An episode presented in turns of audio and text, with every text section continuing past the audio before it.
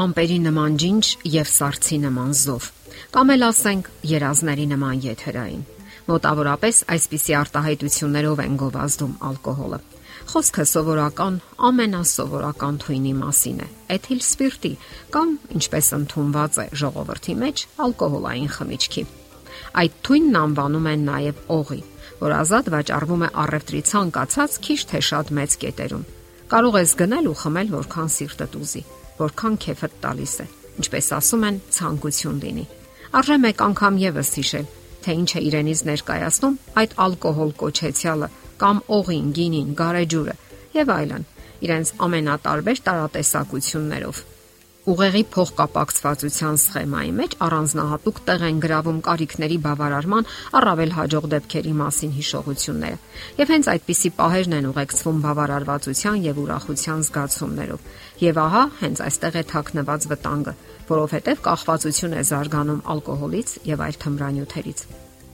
Ալկոհոլը երկարաժամկետ փոփոխություններ է առաջացնում, այսպես կոչված հենց ապարքեվատրման շրջանառության համակարգում Հետևենք թե ինչպես է առաջանում հարբածության վիճակը որոշ քանակի ալկոհոլ ընդունելուց հետո։ Ուղեղը կազմված է միլիարդավոր նյարդային բջիջներից, որոնք կոչվում են նեյրոններ։ Նրանց միջև գտնվում են սինապսներ։ Սրանք այն տեղերն են, որտեղ փոխանցվում են նեյրոնների միջև ազդանշանները եւ տեղեկատվությունը։ Տեղեկատվության փոխանցումը հնարավոր է դառնում հատուկ քիմիական նյութերի օգնությամբ, որոնք կոչվում են նեյրոտրանսմիտերներ։ Սրանց թվին են դասվում դոֆամինը, սերոտոնինը եւ ացետիլխոլինը։ Սրանց հետ միասին ռեակցիայի մեջ են մտնում նաև գլուտամատը եւ գամկը, կամ այլ կերպ ասած գամմա ամինոյուղային թթուն։ Ընդ որում այս գլուտամատը օգտագործվում է նաև սննդային արդյունաբերության մեջ որպես համի ուժեղացուցիչ։ Այս նյութերը նույնպես ազդեցություն են ունենում սինապսների մակարդակում։ Եվ ահա բազմաթիվ հետազոտություններ ցույց են տալիս, որ էթիլ սպիրտը ուղակի կամ անուղակի ձևով ազդում է ներբջջային փոխանցումների համակարգի վրա եւ խախտում աշխատանքը։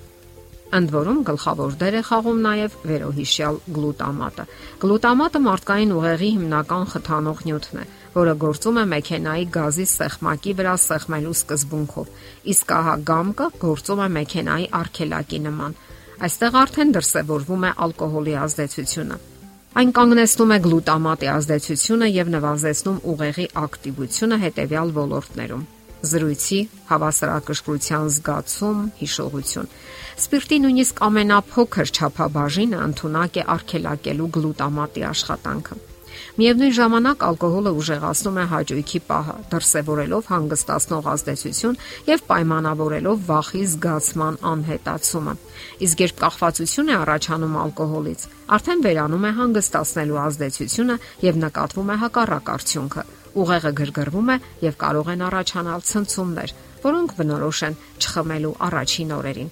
Սպիրտը չեզոքացնում է նաև ուղեղի նեյրոնային կապերը։ Նա թեև ակնթարթորեն խթանում է, սակայն երկար ազդեցության դեպքում արդեն անկճող ազդեցություն ունի, հասցնելով ընդհանուր մինչև կոմատոզ վիճակի։ Ամբողջ աշխարհի գիտնականները, որոնք ուսումնասիրում են ալկոհոլի ազդեցությունը ուղեղի վրա, հարկադրված են խոստովանել, որ սպիրտային թունդ խմիչքների նույնիսկ մեկ գավաթը խախտում է ուղեղի համալիր աշխատանքը։ Այդ երևույթները թեև ժամանակավոր բնույթ են կրում, սակայն շատ լուրջ հետևանքներ են ունենում։ Ալկոհոլի ազդեցությամբ նյարդային բջիջներում տեղի են ունենում քայքայման գործընթացներ, այսինքն նեյրոնները ենթարկվում են ախտաբանական փոփոխությունների, իսկ այդ բջիջները, ինչպես հայտնի է, երբեք այլևս չեն վերականգնվում։ Վերջերս կատարված ուսումնասիրությունները ցույց են տվել, որ թմրանյութերի քրոնիկական օգտագործումը, լինի դա ալկոհոլ, հերոին, կոկային, թե մեկ այլ բան, փոփոխություններ է առաջացնում դրանում ներգրավված նեյրոնների կառուցվածքի եւ ֆունկցիայի մեջ եւ այդ փոփոխությունները երկարաձգվում են շաբաթներ, ամիսներ եւ նույնիսկ տարիներ վերջին օգտագործումից հետո։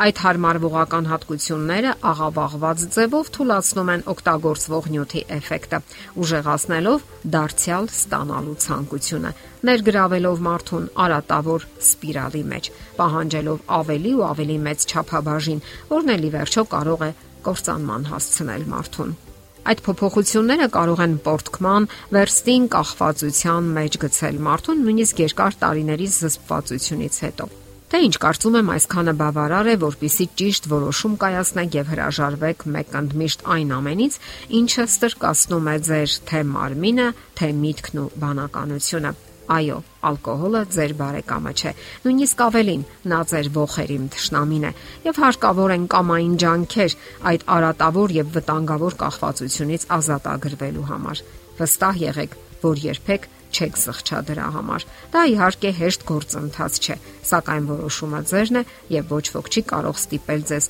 բարձրացնելու գայթակղության գավաթը։ Շատ եղանակներ կան ազատագրվելու այդ կախվածությունից։ Ձեզ կարող են օգնել համապատասխան մասնագետները։ Կարող եք նաև աղոթել այդ պահերին կամ այդ պահերի համար։ Շատերն են փորձել դա իրենց կյանքում եւ պատկերացրեք, որ գործում է։ Երբ գալիս է փորձության պահը, դիմադրեք դրան։ Մի զիջեք Կրկնեք ձեզ համար մի քանի անգամ, որ դուք ուժեղ եք եւ կարող եք դիմադրել։ Մոտավորապես 10-ից 15 ամենաշատը 30 վայրկյան դիմադրեք եւ գայթակղությունը կլինի ձեր եւ Աստծո վերահսկողության տակ։ Վստահ եղեք, դուք կարող եք հաղթահարել բաց սովորություններն ու կախվածությունները։ Դուք կարող եք ոչ միայն ավելի առողջ ու թարմացած զգալ ձեզ, այլև ավելի երջանիկ։ Դուք կզգաք նաև, որ հաղթող եք դուրս եկել եւ դա կավելացնի ձեր վստահությունը հետագա ճակատամարտերում։